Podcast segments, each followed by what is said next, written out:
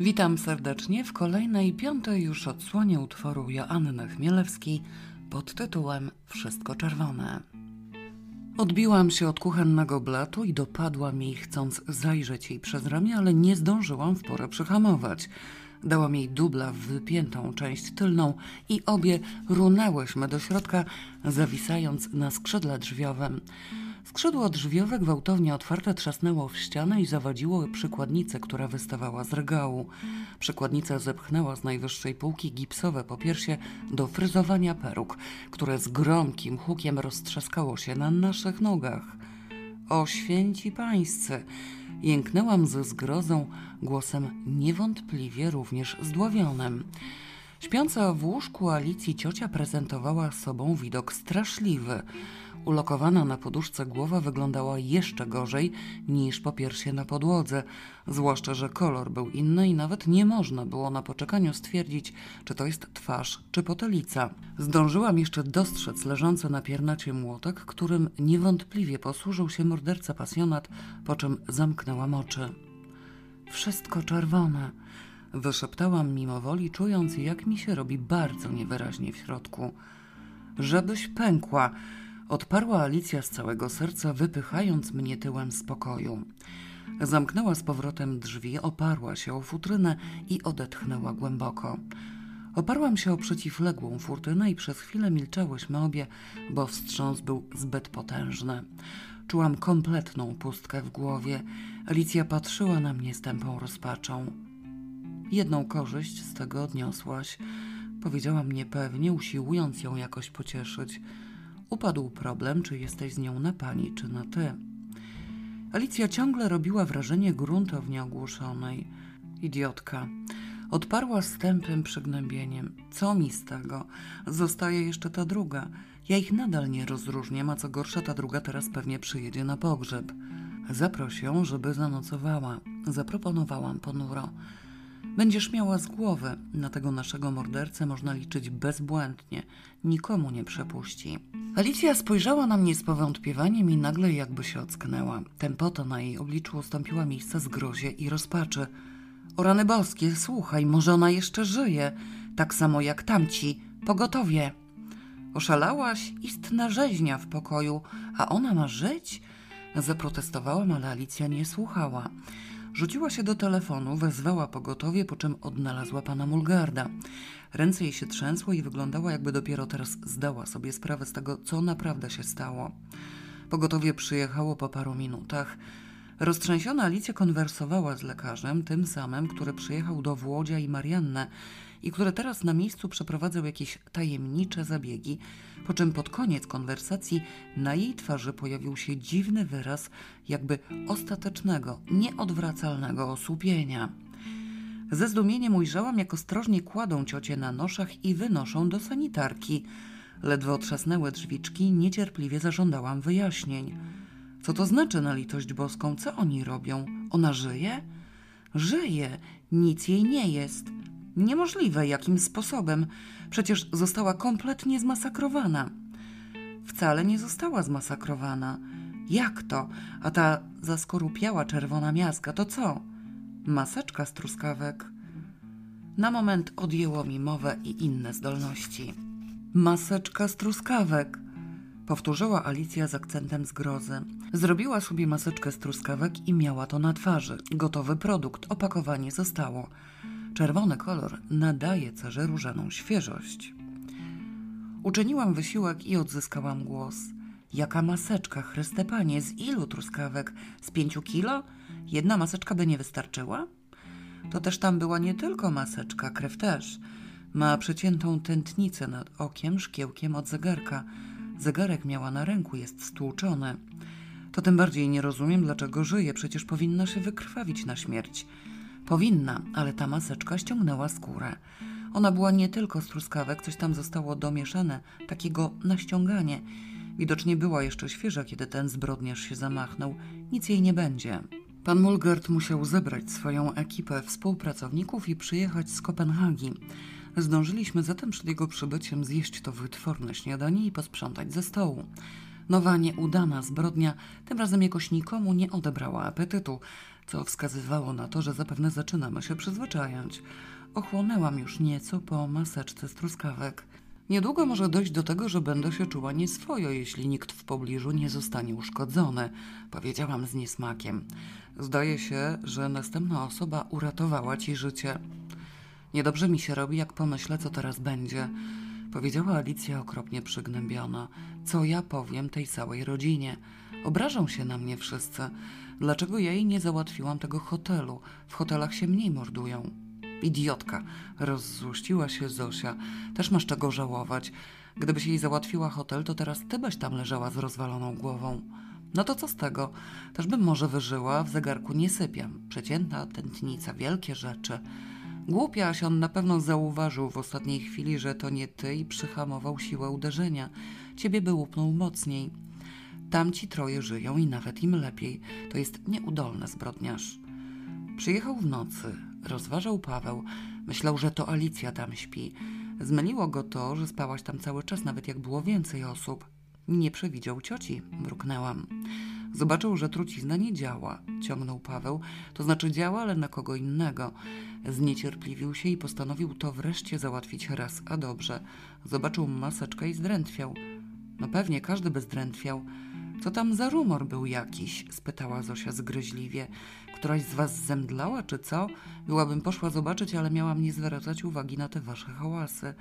Nic takiego, łeb zleciał. Co? Czyj łeb? No ten gipsowy. To po piersie do peruk, które Alicja wygrała na loterii. I stukło się w drobne kawałki. Chwała Bogu, cóż to była za obrzydliwa rzecz. Zaczynam dostrzegać w tym wszystkim jakieś dobre strony. Pewnie, przyznała Alicja ponuro. Teraz się wreszcie dowiedziałam, która to jest i jakiej na imię lekarz znalazł w dokumentach, chociaż i tak niewiele mi z tego przyszło, bo nie pamiętam, z którą byłam na ty.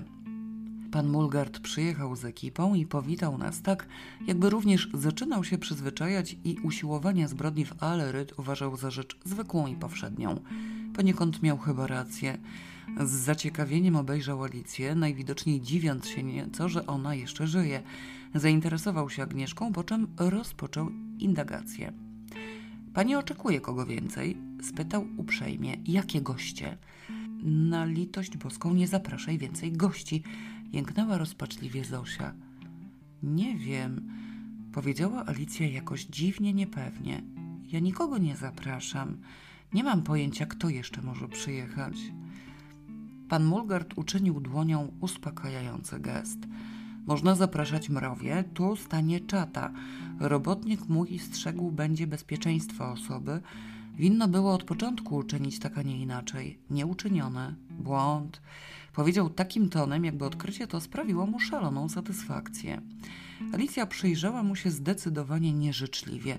To znaczy, że teraz policja będzie mi się dniem i nocą plątała po domu i ogrodzie, tak? Nie, odparł pan Mulgert stanowczo. Policja będzie ukryty, w schowku, między krze. Jeszcze gorzej. Obcy facet będzie znienacka wyskakiwał z zakrzaków. Ci, co wyżyją, dostaną palpitacji serca i rozstroju nerwowego. Pan Mulgard okazał pełne niesmaku zdziwienie. Pani wyraża protestę? Spytał z naganą. Alicja zreflektowała się nieco. Protest przeciwko obecności policji w miejscu, gdzie ofiary padają gęsto, a sprawca jest nieznany, mógłby zrobić nie najlepsze wrażenie. Już i tak zdawała sobie sprawę, że zaczyna być coraz bardziej podejrzana przez sam fakt, że jeszcze żyje. Nie wyrażam żadnego protesta, powiedziała gniewnie. Niech sobie ta policja tu siedzi, byleby rzeczywiście nie na oczach. Nie wiadomo, jak pan Mulgard zrozumiał określenie siedzieć na oczach, w każdym razie zamilkł na chwilę, pozastanawiał się, po czym poniechał tematu. Zajął się szczegółowym badaniem naszych czynności od chwili przybycia cioci do chwili odkrycia jej stanu. Niewiele mu to dało. W nocy bowiem każdy z nas spał oddzielnie i nikt za nikogo nie mógł świadczyć. Każdy natomiast mógł wstać po cichu i utłuc ciocie. Zainteresował się więc z kolei młotkiem.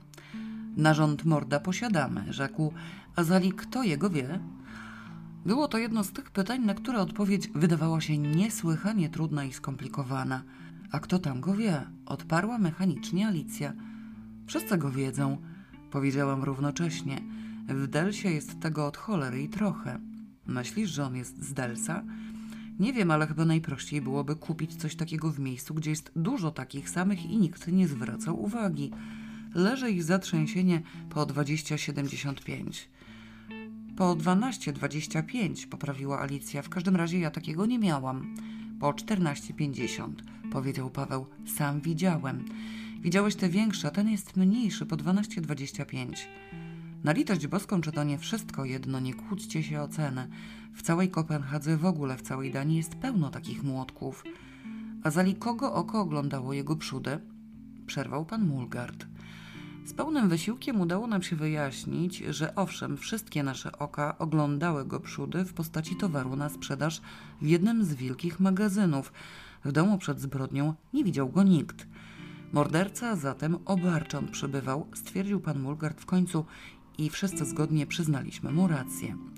Natychmiast po jego odjeździe z całą ekipą śledczą Paweł wysnuł nowe propozycje. Oni mają rację, powiedział z ożywieniem. Powinniśmy zostawić jakąś pułapkę. Trzeba to było zrobić już dawno. Do tej pory ten morderca już by się złapał. Kto mógł przypuszczać, że będzie taki wytrwały? mruknęła Alicja.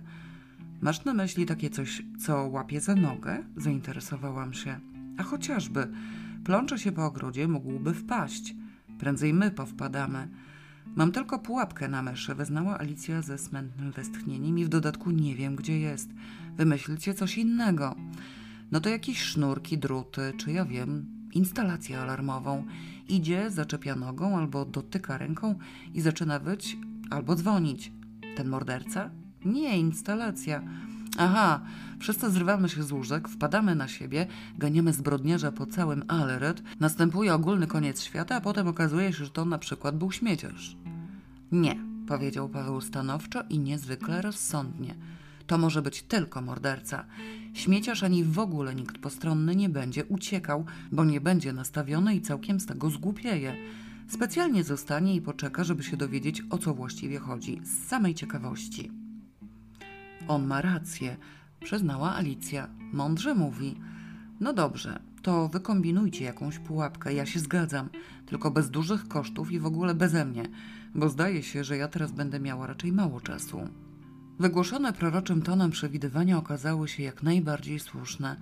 Po makabrycznym zamachu na ciocie zapanowała istna Sodoma i Gomora. Życie w Aleryt stało się tak ożywione, urozmaicone i męczące, że wręcz trudno było uwierzyć w możliwość czegoś podobnego w Danii. W policję wstąpił nowy duch. Razem z panem Mulgardem już od niedzielnego wieczoru zaczęli przyjeżdżać jacyś wyżsi funkcjonariusze, usiłujący porozumiewać się z nami w najrozmaitszych językach. Rodzina wkroczyła w wydarzenia nie kryjąc lekkiego niesmaku i dezaprobaty.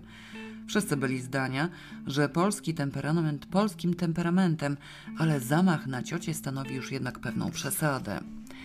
Na domiar złego okazało się, że należy załatwić jakieś niesłychanie skomplikowane kwestie spadkowe pokrewnym, który zmarł przed kilku laty. Teraz zaś upływał jakiś niezrozumiały dla nas termin sprzedaży, kupna czy też przejęcia czegoś. Rzecz załatwić miała ciocia, chwilowo unieszkodliwiona w szpitalu. W dokumentach rodzinnych znajdowało się jednakże upoważnienie czy inny podobny dokument cedujący jej uprawnienia na Torkilda, który zresztą również dziedziczył część owego spadku. Po Torkildzie zaś dziedziczyła Alicja i w ten sposób, chcąc nie chcąc, raczej nie chcąc, znalazła się w roli zastępczyni cioci.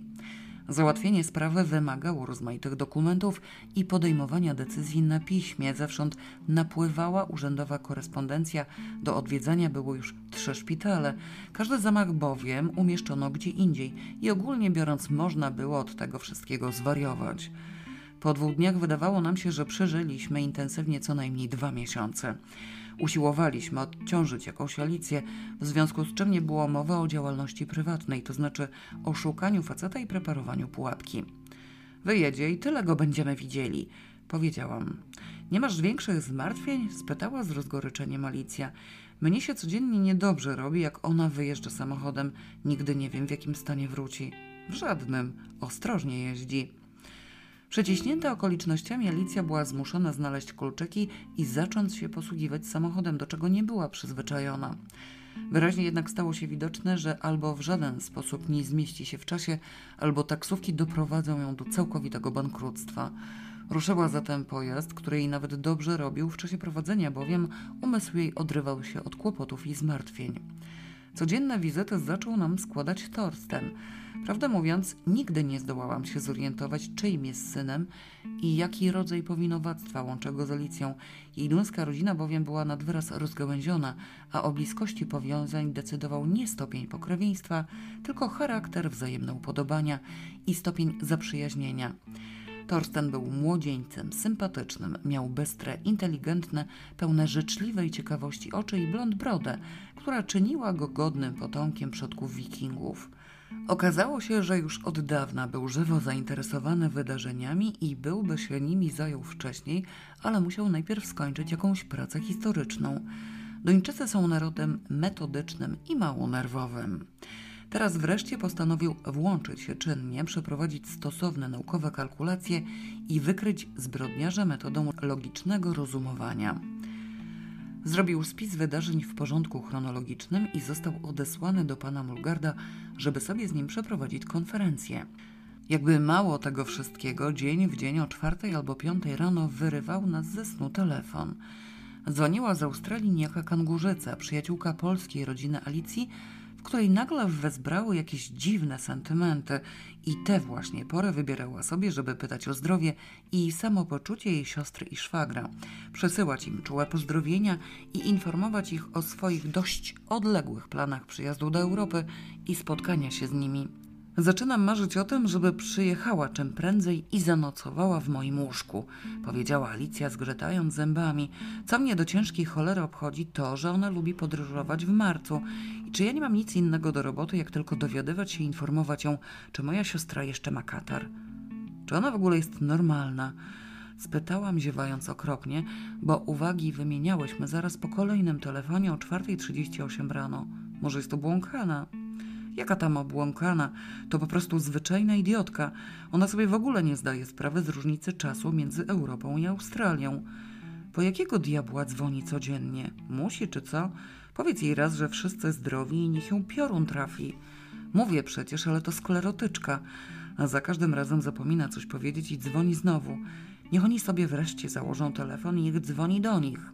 Nie wydawało się dziwne, że w tej sytuacji Alicja jest do nieprzytomności zdenerwowana i szaleńczo wściekła.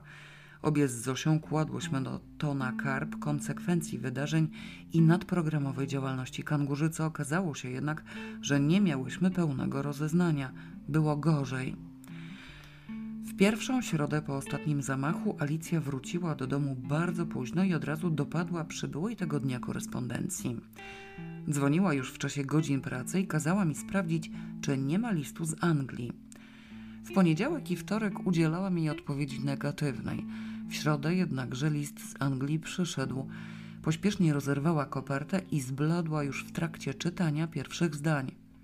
Ciężka cholera, powiedziała głosem wściekłej furii, którą akurat ktoś dusi za gardło. I w tym momencie do drzwi zapukała kuzynka Greta. Zarówno Zosia, jak i ja pojęłyśmy natychmiast, jak łatwo jest w gruncie rzeczy popełnić zbrodnię.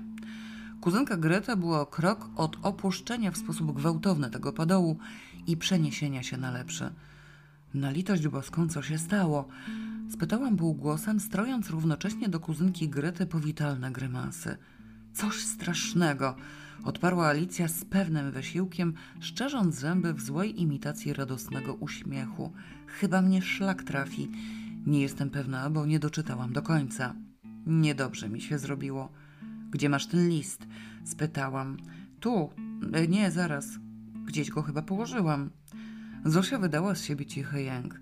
Pomyślałam sobie, że jeśli jeszcze jeden list zginie przed przeczytaniem, zaczniemy chyba otwierać jej korespondencję przed nią. Kuzynka Greta, która nigdy mi się specjalnie nie podobała, teraz wydawała mi się postacią wręcz odrażającą.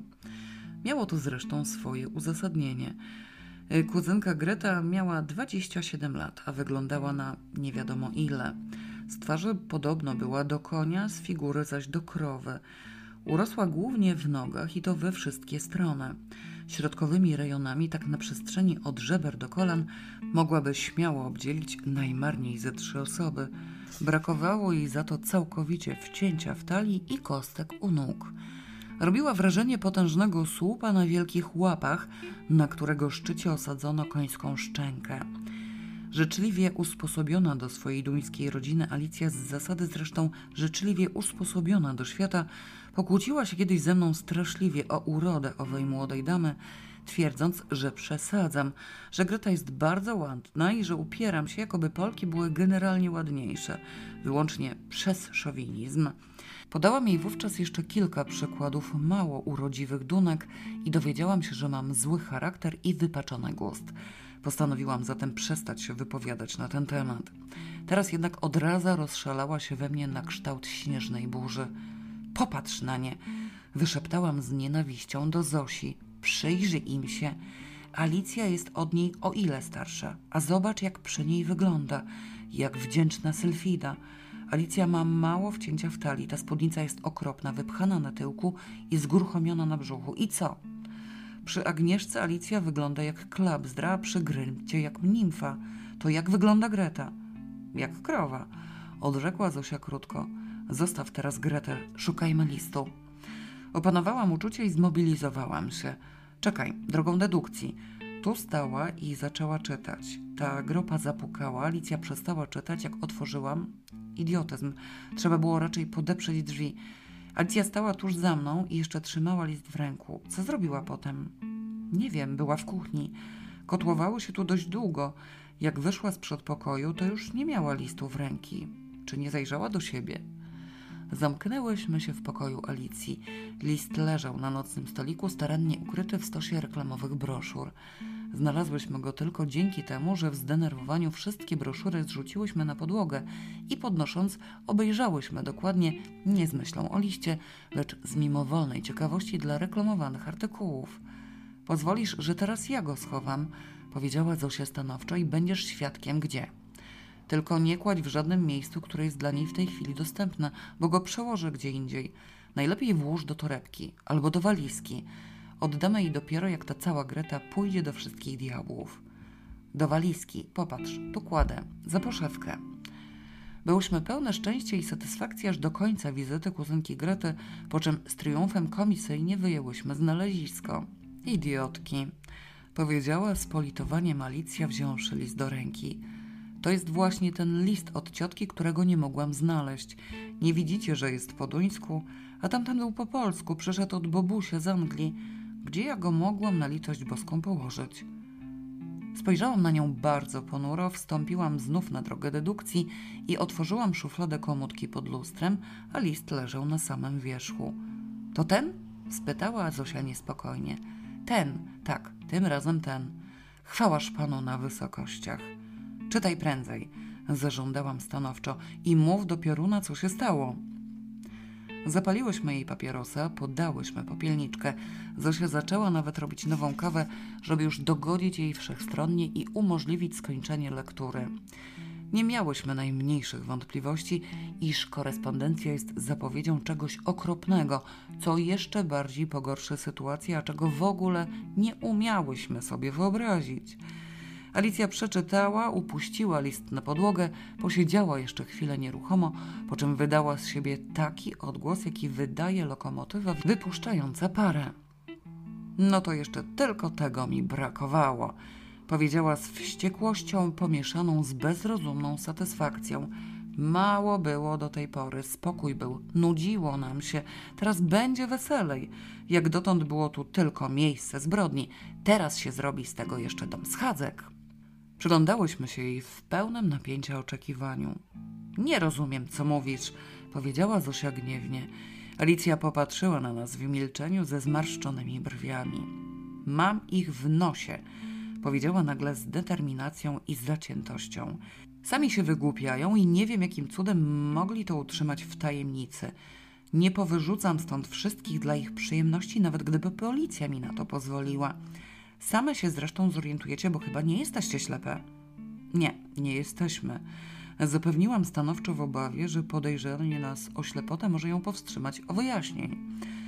No właśnie Bobuś zapragnął zobaczyć się z białą glistą i wymyślił sobie, że najlepiej będzie spotkać się z nią tu u mnie, w Alerot. Nawet nie pyta o zdanie, tylko zawiadamia, że przyjeżdża. Miłość go sparła.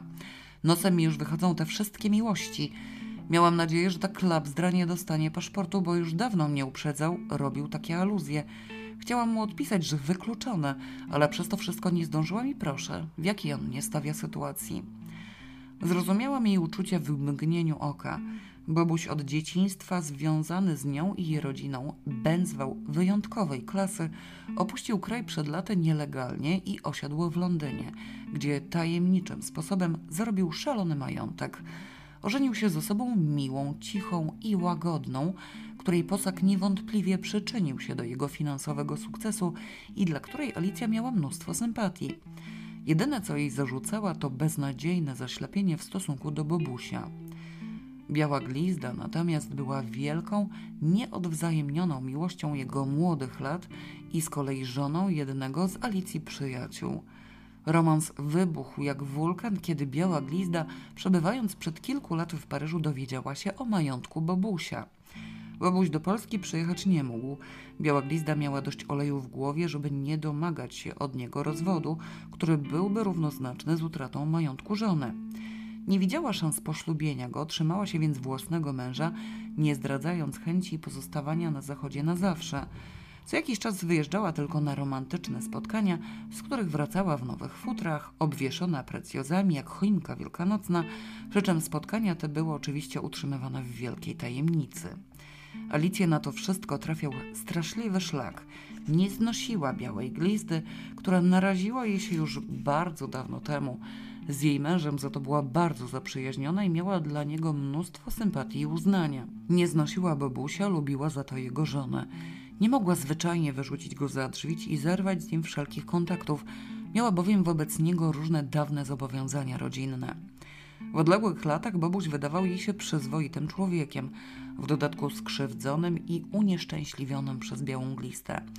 Zdecydowanie zmienił się na gorsze dopiero po zdobyciu majątku i jej uczuć. Tło tych uczuć było dla Alicji widoczne jak na dłoni. Usiłowała z początku wytłumaczyć Bobusiowi, na co biała glista leci i tyle na tym zyskała, że poczuł do niej głęboką, prawie nieskrywaną niechęć. Pozostając przy wielkim sentymencie dla jej nieżyjącej matki i innych żyjących krewnych, i utwierdzić publicznie, że Alicja się jakoś dziwnie wyrodziła i głównymi cechami jej charakteru okazały się skłonność do zawiści i skąpstwo.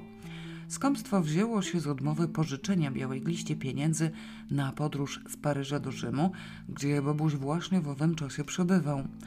Bobuś musiał zatem sam te pieniądze wysłać pocztą, co opóźniło przybycie ukochanej. Nie mógł tego darować Alicji, która nie kryła, że znacznie chętniej wyrzuci swoje pieniądze do rynsztoka, niż wyasygnuje je na potrzeby białej glizdy, co zdaniem Bobusia dowodziło także zawiści. Wszystko to razem spowodowało nader liczne i urozmaicone niesnaski. Zosia znała doskonale zarówno Bobusia, jak i męża białej glisty. Wiedziała, że Alicja z uwagi na nielegalne porzucenie przez Bobusia ojczystego kraju nie ma ochoty utrzymywać z nim zbyt ożywionych stosunków. Nie wiedziała natomiast o starannie ukrywanym romansie. Jak to miłość? Spytała śmiertelnie zaskoczona. Co to znaczy? Nic nie rozumiem. Kto to jest biała glista? Żona Sławka. Mruknęła Alicja. Ta obłudna, śliska pluskwa, która się zawsze ubiera na biału. Wielka miłość Bobusia. Niemożliwe. Jak to? Myślałam, że oni ze Sławkiem są zaprzyjaźnieni. Sławek się przecież widywał z Bobusiem, on go bardzo lubi. Jak to? Ona przecież mówiła, że się z Bobusiem widziała, ale załatwiała jakieś ich wspólne sprawy. W duchy wierzysz? Wspólne? Pewnie. Bobusia i białej glisty. Zosia była wstrząśnięta. Nie do wiary. Co za kreten z tego Bobusia. I Sławek, taki sam idiota. Jesteś tego pewna? Skąd wiesz? Spojrzałyśmy z Alicją na siebie, bo chociaż Zosia znała osoby dramatu lepiej ode mnie, to jednak przy ujawnianiu tajemnicy asystowałam ja, a nie ona. Zrobiłam coś w rodzaju śledztwa, powiedziała Alicja, ale po pierwsze bezwiednie, a po drugie zostałam za to ciężko ukarana, Joanna świadkiem. Istotnie byłam świadkiem. W czasie mojego poprzedniego pobytu w Kopenhadze Bobuś przebywał z wizytą u Alicji przez dwa dni. Jakiś czas po jego wyjeździu robiła któryś kolejny porządek na biurku i nagle z kartką w ręku wyszła do ogrodu, gdzie paliłam niepotrzebne gałęzie. Kto do ciężkiej cholery chce mnie ciumciać po brzuszku? Powiedziała z wyrazem niebotycznego osłupienia i to jeszcze poślicznym. Zamarłam z drągiem w garści i spojrzałam na nią ze zdumieniem. Zwariowałaś? Spytałam, nie wierząc własnym uszom. Nie, to chyba raczej ten, co pisał. Posłuchaj. Tak pragnę, znów pragnę ciumciać cię po twoim ślicznym brzuszku. Bezsennie leżę nocą i wspominam. Obejmuję ramionkami twoją ukochaną szyjkę i pieszczę twoje nóżki i twój brzuszek. Jakaś obsesja z tym brzuszkiem. Co za idiota to pisał? Z zaskoczenia spróbowałam oprzeć się na drągu, który okazał się trochę za krótki, a o mało nie wleciałam głową naprzód do ogniska. Rany boskie, co to jest? Skąd masz ten niezwykły utwór? No list, przecież widzisz. Znalazłam to na biurku między papierami. Pojęcia nie mam od kogo, bo nie jest ma ani początku, ani końca, tylko środkowa kartka. Co to ma być? Nie przypominasz sobie jakiegoś półgłówka w swojej karierze?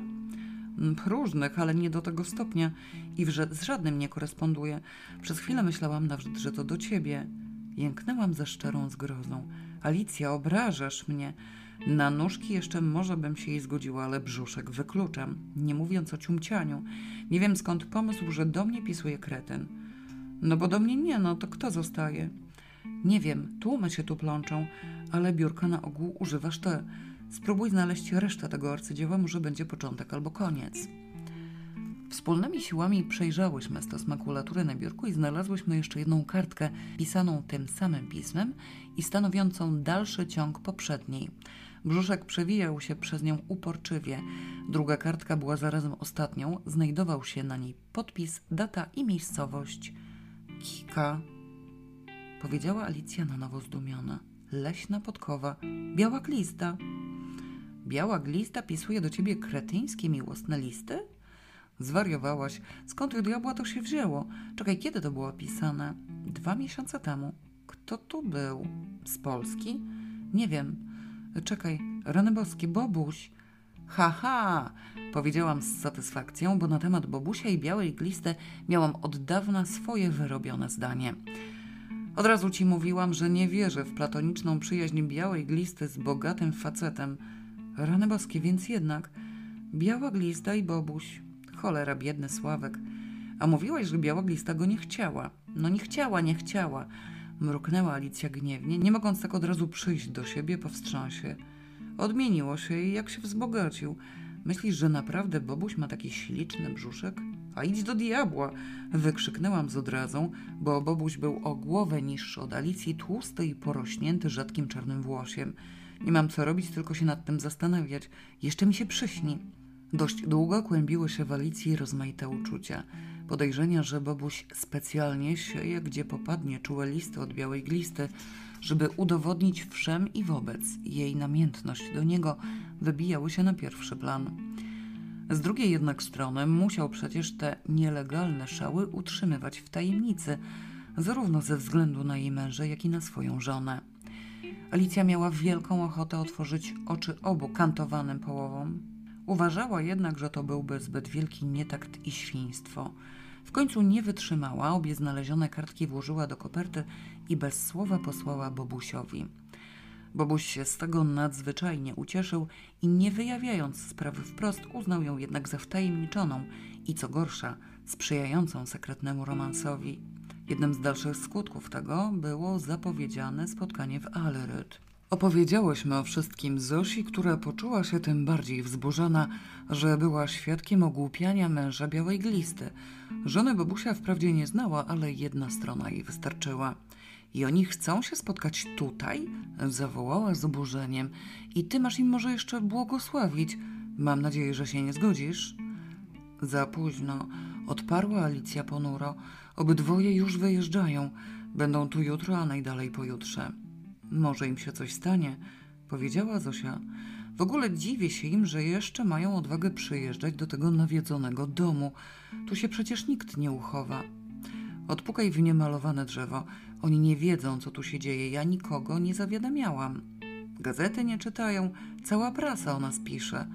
Po pierwsze, nie cała, bo Anita załatwiła sobie monopol. Po drugie, nie wymieniają nas wyraźnie.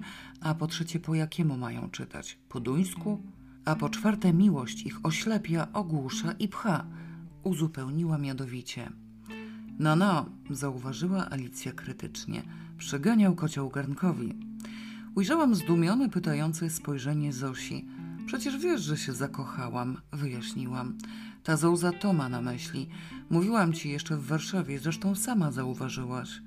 Jak to? To jeszcze ciągle trwa? Zdziwiła się Zosia.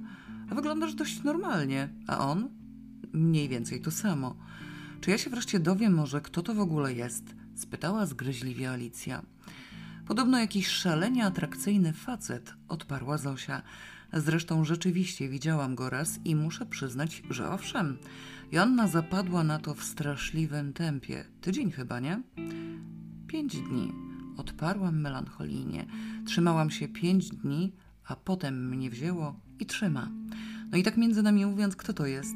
Zaraz, przerwała Zosia. Nie wyobrażam sobie, co ty z nimi zrobisz. Ja się dla Bobusia nie wyprowadzę, chyba że ta Agnieszka wyjedzie. Długo ona zamierza tu siedzieć? Nie znoszę tej dziewuchy. Nie wiem, ona nie może wyjechać, bo czeka na pieniądze, odparła Alicja z westchnieniem. A propos, gdzie Paweł? W Kopenhadze. Czatuje na faceta w Angleterę. Zosia go wykopała, żeby się nie przyklejał do tej wampirzycy. Zosia wzruszyła ramionami. A w ogóle gdzie ona się podziewa? spytała. Nie wiem, powiedziała Alicja. W ogóle jej dziś nie widziałam. Myślałam, że już śpi. Nie wiedzie, gdzie jest mój stary szlafrok. Ten w czerwone kwiatki. Agnieszka w nim chodziła, jak sobie myła głowę, wyjaśniłam. Pewnie, ona przecież nie ma nic swojego, mruknęła ze wstrętem Zosia. Jak ma mieć coś swojego, skoro podróżuje autostopem i plecak jej zginął w katastrofie? Nie będę jej zabierać, wezmę drugi. Paweł wrócił bardzo późno, ogromnie zmartwiony, bo czarnego faceta nie znalazł. Brał pod uwagę, że ja się mogłam pomylić, widzieć kogoś innego i wziąć go za znajomego Edka, ale nie było w ogóle żadnego faceta odpowiadającego rysopisowi. Poczułam się zaniepokojona możliwością utraty jedynego śladu. Alicja przestała wreszcie gmerać w dokumentach, które musiała przygotować na jutro, a które ciągle wydawały jej się niekompletne i od których odrywała się co chwila, żeby rozpatrywać problem przyjęcia Bobusia i Białej Glizdy. Teraz znów Bobuś i Biała Glizda zostali w tyle. Na prowadzenie zaś wyszła Ewa razem ze swoim hipotetycznym aferzystą. Cholera, powiedziała z niezadowoleniem. Trzeba było zadzwonić do Ewy w ciągu wieczora i sprawdzić, czy jest w domu. Czy się może szlaja z tym hochsztaplerem? Teraz już za późno. Dlaczego za późno? Zaprotestowałam. Możemy się dowiedzieć, kiedy wróciła. W Danii o tej porze się nie dzwoni, jest po pierwszej. No to co cię to obchodzi? A zbrodnie się w Danii popełnia? Skoro w twoim domu się mordują, to ty masz prawo dzwonić o każdej porze. Oni obydwoje są podejrzani i nie musisz mieć dla nich żadnych względów. Po kwadransie perswazji Alicja dała się przekonać. Zadzwoniła do Ewy, wyrwała ze snu jej gosposie i dowiedziała się, że nie ma ani Ewy, ani Roja. Każda z nich jest gdzie indziej, a obydwoje niejako służbowo. Ewa załatwia sprawę wystawy polskiego folkloru, a Roy duńskiej archeologii. Hała, oświadczyłam stanowczo i dość posępnie. Ewa się pęta z gachem, a Roy ją śledzi. Ja ich obydwoje bardzo lubię i wolałabym, żeby to nie była prawda, ale co począć? Może w ten sposób chociaż jedno morderstwo zostanie załatwione gdzie indziej, powiedziała Alicja ze smętną nadzieją. Wcale się nie upierałam, żeby wszystko było u mnie.